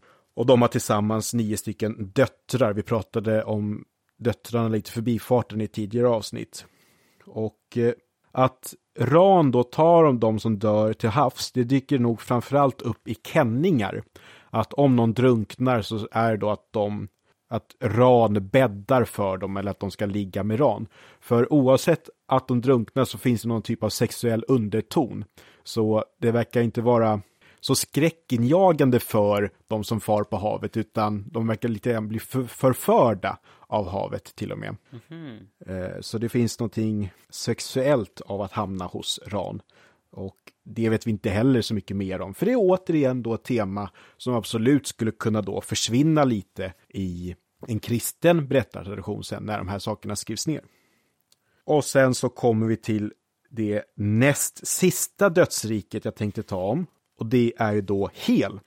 Och Hel är ju då det stora dödsriket som vi känner till från den norröna eller fornnordiska mytologin. Och Hel delar ju då sitt namn med gudinnan Hel som är ett av Lokes barn. Och hon är ganska lätt att känna igen för halva hennes ansikte ser ut som att hon lever men andra halvan av ansiktet ser ut som att hon är död.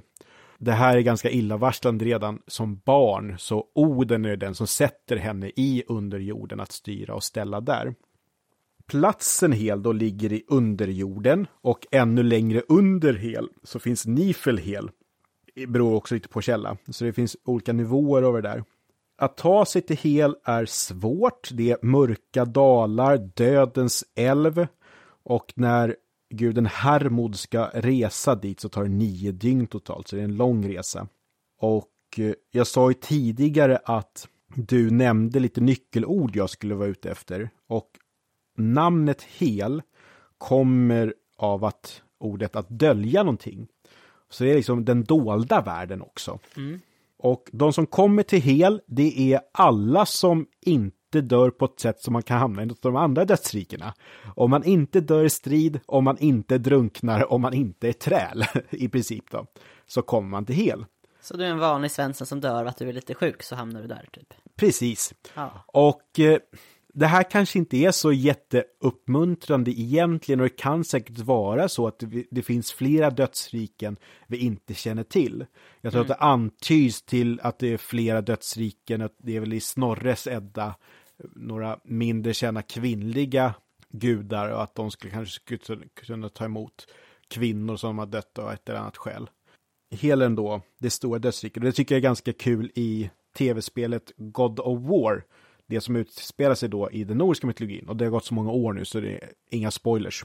Eh, men då är de i alla fall hel ett tag och hjälten Kratos från God of War-serien, han frågar vilka är det som hamnar här då? Och han får förklara för sig att det är skurkar och de som gör dumma saker som hamnar här. Och alla andra.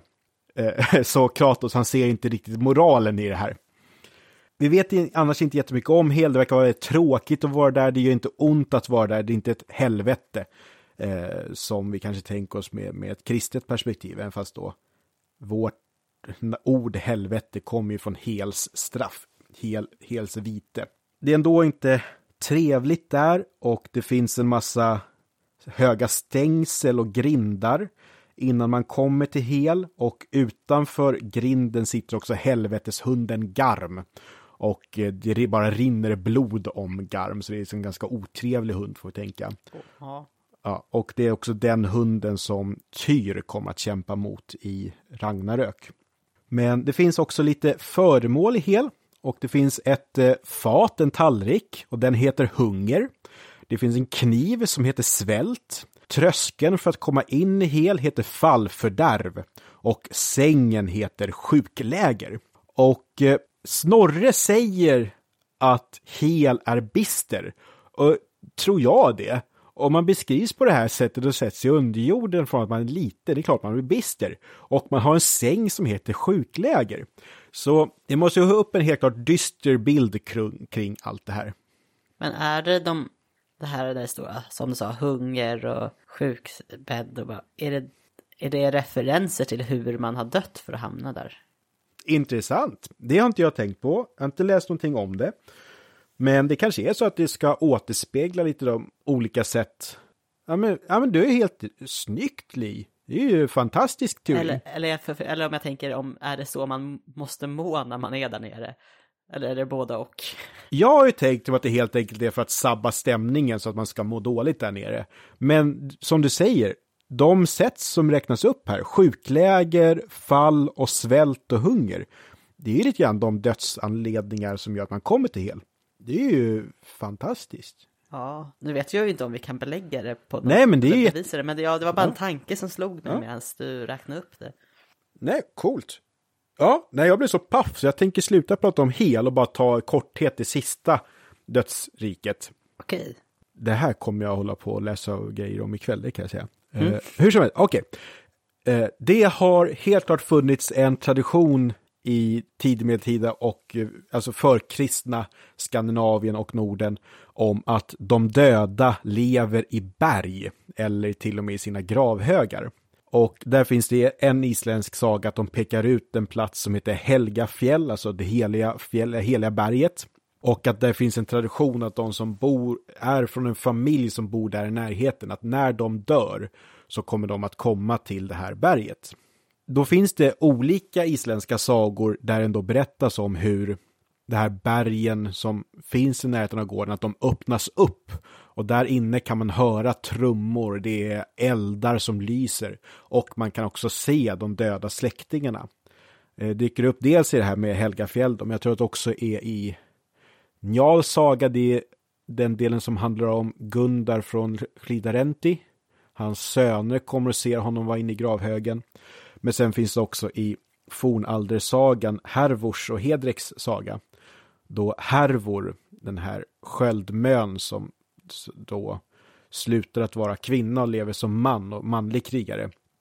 Han uppsöker sin pappas gravhög och kräver att få prata med pappan som egentligen är död för han vill komma åt den här släktklenoden som är ett förbannat svärd. Så det kan vara att det är en äldre tradition som bygger på att de döda lever i berg eller gravar och sen att det här skulle kunna vidareutvecklas till tanken på Valhall. Det här är någonting som Andreas Norberg lyfter i boken Krigarna i Odens sal. Och eh, det här är ju i princip forskningshistoriken. Så det har varit en tanke ganska länge och jag vet inte var forskningen ligger nu. Men om man är intresserad av dödsriken och perspektiv på döden i det fornnordiska så är det en toppenbok att ge sig på. Så tänkte jag avrunda den delen. Det var mycket olika platser att hamna på efter döden. Jag tror nog att det har funnits fler ställen också för om man tänker sig en husfru. Hon ska ju inte hamna på ett så tråkigt ställe som Hel. Men det är inte heller att hon är en jarl som skulle hamna i Valhall. Nej. Så jag tror att det borde ha funnits fler alternativ att hamna på. Vet du om det fanns någon tanke på att det skulle komma någonting efter den tillvaron? Nej, men om det fanns någon död efter döden eller att man kom till liv igen? På något... Jaha, alltså du tänker typ så här Nangial och Nangelima? Ja. Uh, nej, det har jag inte läst om, utan där ska det då ha varit en ganska ständig tillvaro. Men, bra att du sa det där, att det finns ändå undantag. För Balder, han dör ju. Han blir skjuten av sin bror, blinde bror Höder, för att Loke lurar honom till det. Balder kommer då till Hel och gudarna försöker få tillbaka honom. Det får de inte, för Hel säger nej. Vilket också säger lite grann om vilken makt Hel hade, att man kan inte, alltså, inte ens Oden säger emot att Hel säger nej. Det är ändå en ganska intressant grej. Vadå, han skulle få komma tillbaka om alla grät? Precis, helt rätt. Eh, så gudarna far runt omkring i världen och kan du gråta för Balder och alla gör det utom en trollhäxa som är, igen, verkar vara Loke i förklädnad. Så det är återigen Loke som bara sabbar allt. Men hur så, då är ju Balder där och sen så dödas också Höder så han hamnar också i hel. Men det gör ju då att efter Ragnarök, när ah, de flesta manliga gudar har dött i strider mot jättarna, då kommer ju Höder och Balder tillbaka. För de har ju då varit säkra i hel. Så de har ju då ändå kunnat komma tillbaka efter döden. Det har du ju helt rätt i, men... Så efter Ragnarök kanske det är lite så här, inte lika hårda regler på... Nej, men precis. Och, och där är ju liksom det där med hur mycket av den nordiska traditionen då påverkat av den kristna mytologin. Eh, för då är det ju också att Jesus ska ju komma tillbaka i, vid tidens, eller jordens undergång och sen så efter det kommer man få då träda in i hans rike är det väl. Eh, så och där är det här att Balder skulle kunna vara en Jesusgestalt som tar sig in i det nordiska. Det är lite svårt då att veta hur gamla vissa myter är och av det vi har så kommer ju i alla fall de två tillbaka från döden, det har du helt rätt i. Och det finns ju några som rider och hälsar på i hel.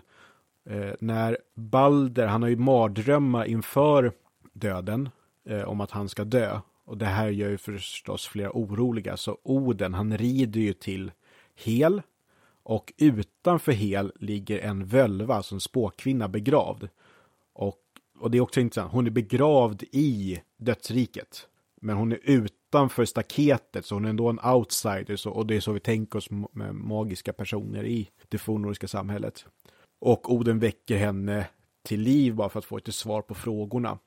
Och sen är det ju att eh, den som i alla fall rider och ska kolla i hel om Bald får komma tillbaka. Han rider ju på Sleipner till hel och sen så rider han tillbaka. Så då lite grann likhet med i den här finska myten jag pratar om, eh, Vainamoinen, som ju också tar sig både till och ifrån dödsriket. Det är invecklat det här. Ja, Man förstår, alltså och med tanke på hur invecklat det här är, så förstår man ju också alla de tankar folk har haft i alla tider och också då behovet av att hitta, eller ha myter som förklarar det här. Ja. Så jag tänkte att jag vi kan kolla på hur några andra har förklarat. Ja! detta. Vad spännande!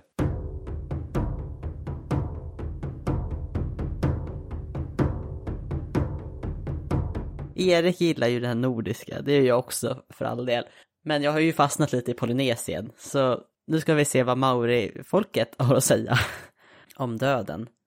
Eh, jag tänkte framförallt prata och jag drar två myter ganska kortfattat. Men den första har då att göra med varför människor dör överhuvudtaget. Och sen ska vi kolla på en myt som innefattar Maui som vi pratade om i hjälteavsnittet. Som har med döden och underjorden att göra. Men då var det så att i den skapelsemyten eh, i polynesiska eller maori Maorifolket är ju i Nya Zeeland måste jag börja med att säga. Eh, ur deras, deras ursprungsbefolkning. Och de, i deras skapelsemyt så fanns det från början en himmelsfar, Rangi, och en jordmor, Papa. De satt ihop med varandra och däremellan eh, fanns deras flera barn. En av dem är skogsguden Tane och det var han som lyckades att separera sina föräldrar från varandra så att man fick som himlen och jorden skildes från varandra så man, nu fanns det liksom plats att leva däremellan. Mm. Mm. Och när han har ordnat så att alla träd växer ordentligt, för det var ju hans huvudsakliga uppgift då, och att de växer ordentligt av sig själva, han har tagit hand, så börjar han bli lite, lite, bli lite uttråkad. Eh, han vill ju också, han vill ju ha en egen partner som han ser att sin, hans far har. Men alla hans syskon är bröder. Den enda kvinnan som finns är ju modern och modern vill ju inte ha med honom att göra på det sättet. Eh, så han parar sig med olika varelser och får barn. Det, alltså, hans barn är då olika djur och stenar, gräs och bäckar och, och sådär. Men eh, han vill ju ha en partner som var kanske lite mer lik honom själv och ha lite mer mänsklig gestalt. Så han blir rådd av sin mor att skapa en människa ur röd lera. Och den människan blir, blir är ju då en kvinna som skapas. Det är den första människan som han, Tane blåser liv i. Hon kallas Hinne Hauone som betyder jordformad hustru. Tillsammans fick de en dotter, Hine Titama, vilket betyder typ gryningsjungfru eller gryningssmö. Det som händer är ju att Tane också tar dottern till hustru när hon har, när hon har växt eh, upp ordentligt så får ju de flera barn tillsammans. Kruxet i det hela är att Hine Titama vet inte att det är hennes far. Aha. Sen så råkar hon ju höra det från människor. Det upprör ju henne ganska ordentligt. Och då beger hon sig till underjorden och beskrivs som att hon skar av banden till världen så Tan, hennes pappa, kan inte följa efter. Hon ber honom då att vara en god far till deras barn, människorna, alltså människosläktet. Men att hon kommer senare att hämta sina barn till underjorden det vill säga dödsriket. Och det, där, det är så både djurens och människornas dödlighet förklaras. Att först får de leva hos sin far, Tane, och anledningen till att man dör är för att deras mor häm, hämtar dem för att vara hos henne ett tag. Vad fint. För där kan jag tycka att vissa så här myter om dödsriken är ju inte så uppmuntrande. Det finns ingen trygghet i det. Mm. Men det där är ett väldigt fint sätt att faktiskt skapa alltså ett lugn inför det. Ja.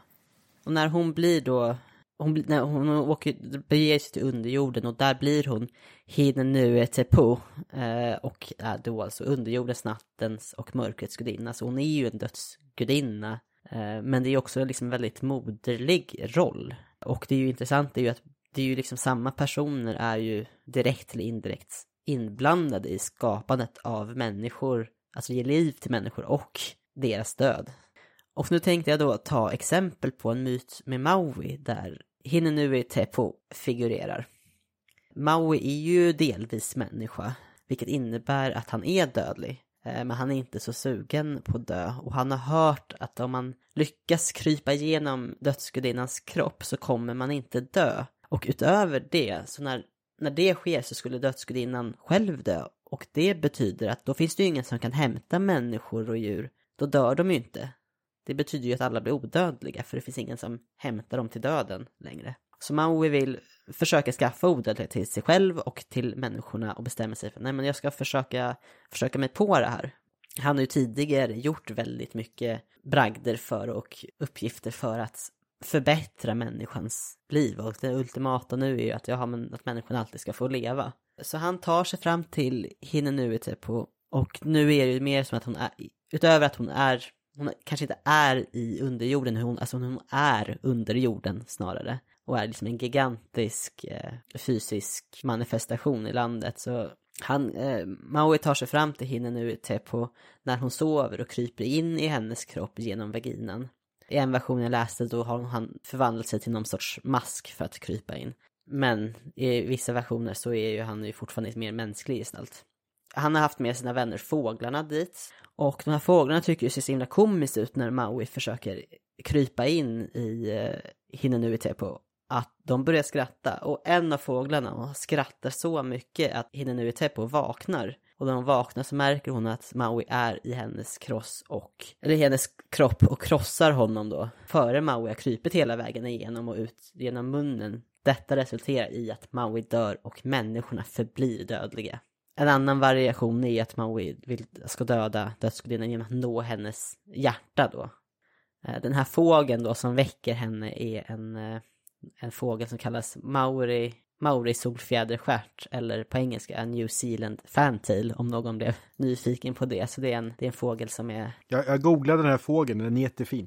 Den är gullig, den har väldigt stor stjärt.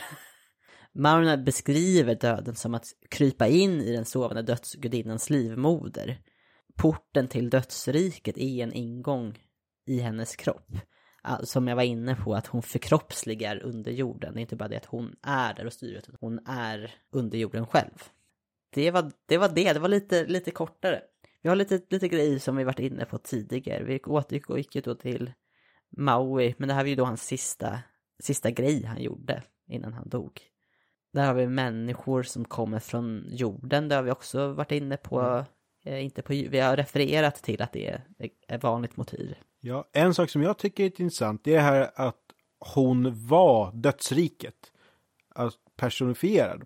Och det är lite då som hel är ju både personen och platsen. Mm. Och det är ju samma sak i Hades i grekiska mytologin. Mm. Att Hades är ju både namnet och platsen. Ja. Eh, så det är intressant att dödsrikena verkar vara så kopplade till en person. Verkligen. Ja, men jag tycker i alla fall att det är som, som du var inne på Erik, att det är ändå väldigt Ja men just att det känns tryggt att, mm, att man vet att man ska till, till någon sorts modersgestalt ändå. Tillbaka till en trygghet snarare än att, ja, visst det står ju att det är mörkt och mörkt och underjorden grejer men det är ju inte så olikt då som man kan tänka sig livmodern. Det är ju mörkt och, ja. och så vidare. Men det finns ju en sorts trygghet där. Ja, liksom om man får välja mellan en mörk plats ut hitta någon man är trygg med och en mörk plats med någon man är trygg med så väljer jag ju att vara trygg. Ja, jag, jag, jag, tycker nog att det här var en, det var en trevligaste underjorden av de vi gått igenom idag. Ja, det håller jag med om. Ja, jag menar, och om man klarar, jag tänker mer egyptiska, klarar man igenom alla de här hinder, alltså den här jävla hinderbanan eller vad man ska säga, och, och de här äh, dömande gudarna, om man väl kommer igenom det där och klarar bara, ja men jag var en god människa, jag kommer till vassfälten, Ja, men det låter ju väldigt trevligt, men det låter som att det också är väldigt osäkert. Mm. För jag, har inte, jag läste ingenting, vad jag, det här med, med Maurines, att hur man levt ens liv påverkar vad som händer i det. det. Det har jag inte läst någonting om i samband med det här i alla fall. Så det är lika för alla? Kanske. Med reservation att jag kanske inte hittat förklaringar på det. Men eh, det här förklarar egentligen bara varför människor dör, kanske inte vad som händer efter döden mest.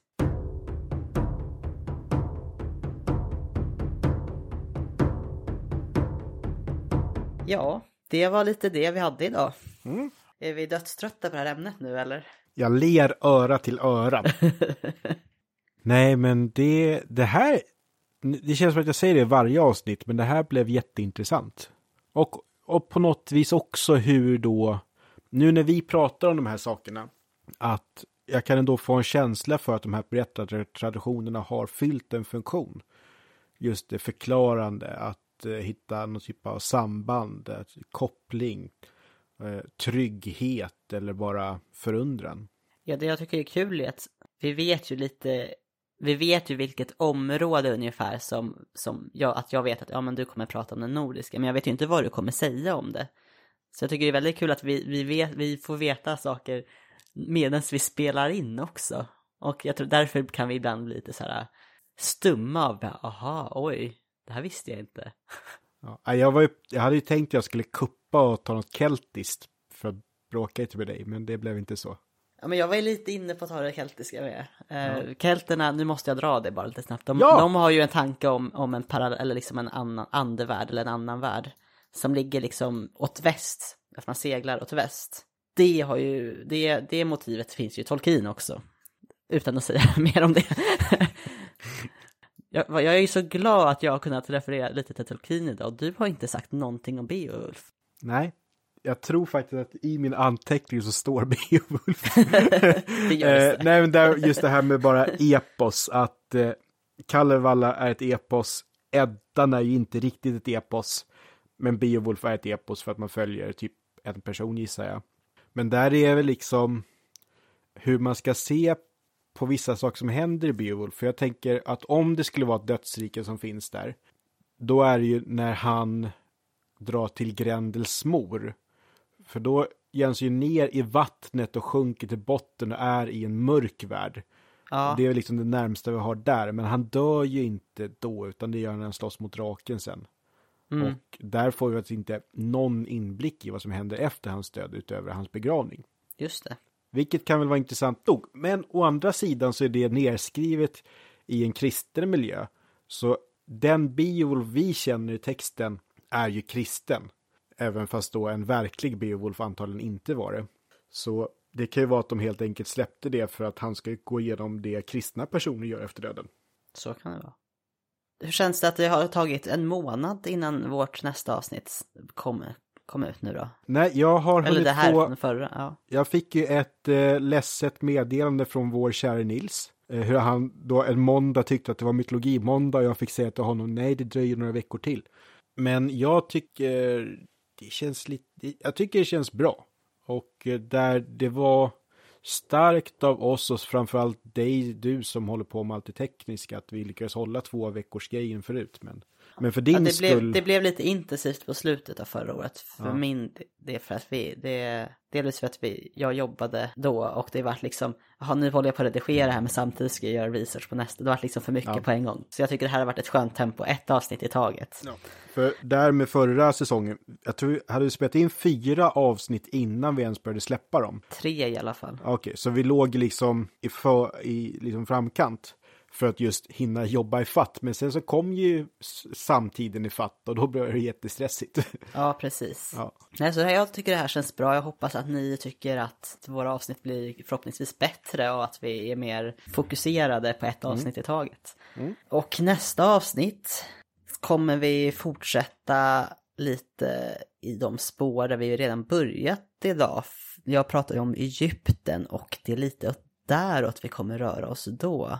Och vad är det som är speciellt med nästa avsnitt, Erik? Utöver det. Det är ju att vi kommer inte göra det helt själva, utan det kommer vara en del i vårt samarbete med podden Podius Castus, som är en antikpodd och Ja. som har flera gamla kurser till oss. Mm, precis. Ja, vi kommer gräva ner oss i Egypten då. Ja, vi får se. Vi har ju inte exakt bestämt innehållet så mycket mer än så. Det ska bli jättekul att podda med dem och utöver vårt avsnitt så kommer vi också få ihop ett avsnitt på deras kanal där vi är med. Eh, men vi ger, vi, det kommer mer information om det senare. Det är väldigt kul att vi får att bredda oss lite. Jag, jag är lite rädd för det här samarbetet för de är antikare och sådär förstås. Och jag är rädd att jag kommer börja prata om saker som egentligen kommer från Assassin's Creed Origins. Som utspelar sig i gamla Egypten. Att det blir den här fällan med populärkulturen jag varit rädd för förut också. Men det, då kan ju de upp, uppmärksamma dig när det blir så. Bra. I så fall.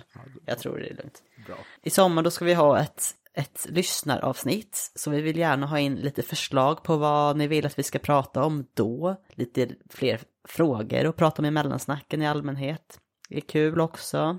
Vad mer är det mer vi brukar säga här? Att eh, vi finns ju i olika sociala medier. Just det. Vi finns på Instagram, då heter vi Mytologipodd. Och på Instagram så vill vi gärna att om ni gör någonting eller tänker på ett mytologiskt så får ni gärna använda, alltså tagga oss eller hashtagga oss eller att använda hashtaggen mytologimåndag. Mm, särskilt på måndagar. Ja, Ja, och så kan vi liksom göra något kul med måndagarna som vi inte släpper avsnitt eftersom det blir många fler sådana måndagar där det inte händer nu. Och vi ska också bli bättre på att göra något med måndagarna. det är jobbigt det där med måndagar alltså. Ja, men Jag det li- blir ju lite roligare nu. Ja, jag är inte riktigt katten Gustav. Eh, Men jag såg att eh, Petter Stordalen har släppt en bok om att man ska älska måndagar, så jag vill se vad han har att säga om det. Han gillar ju å andra sidan att jobba väldigt mycket. Ja, det är ju inte jag. Alltså jag är inte känd för att vara överarbetad. Eh, vi har ju Facebook också. Där Ja. kan man ju också använda hash- ja, man kan använda hashtags på Facebook. det går, men ingen gör det. Men vi finns där. Och man kan skriva till oss där framför allt. Och så har vi en hemsida, Mytologipodden.com. tack Li. Och där finns någon typ av formulär man kan fylla i för att skicka meddelanden till oss. Och jag tror att det, där, där står säkert vår e-postadress också, så att man kan skicka mail om man vill det. Ja, jag tror inte e-postadressen står där, men formuläret typ bara skriva in så kom... Oj, jäklar. Så kommer det till vår e-post. Jag slog till mikrofonen så den flög iväg typ en 30 centimeter. Ni lyssnar ju på oss på någon sorts podcastkanal, men för att tipsa andra om vart vi finns så finns vi ju på iTunes slash Apple Podcasts, Spotify och Acast och sen så söker man på andra poddappar så dyker vi säkert upp också. Ja, det var, det var den här månadens avsnitt. Det gjorde vi bra. Ja, det är ju sista måndagen varje månad som avsnitten kommer ut. Så nästa avsnitt kan ni lyssna på.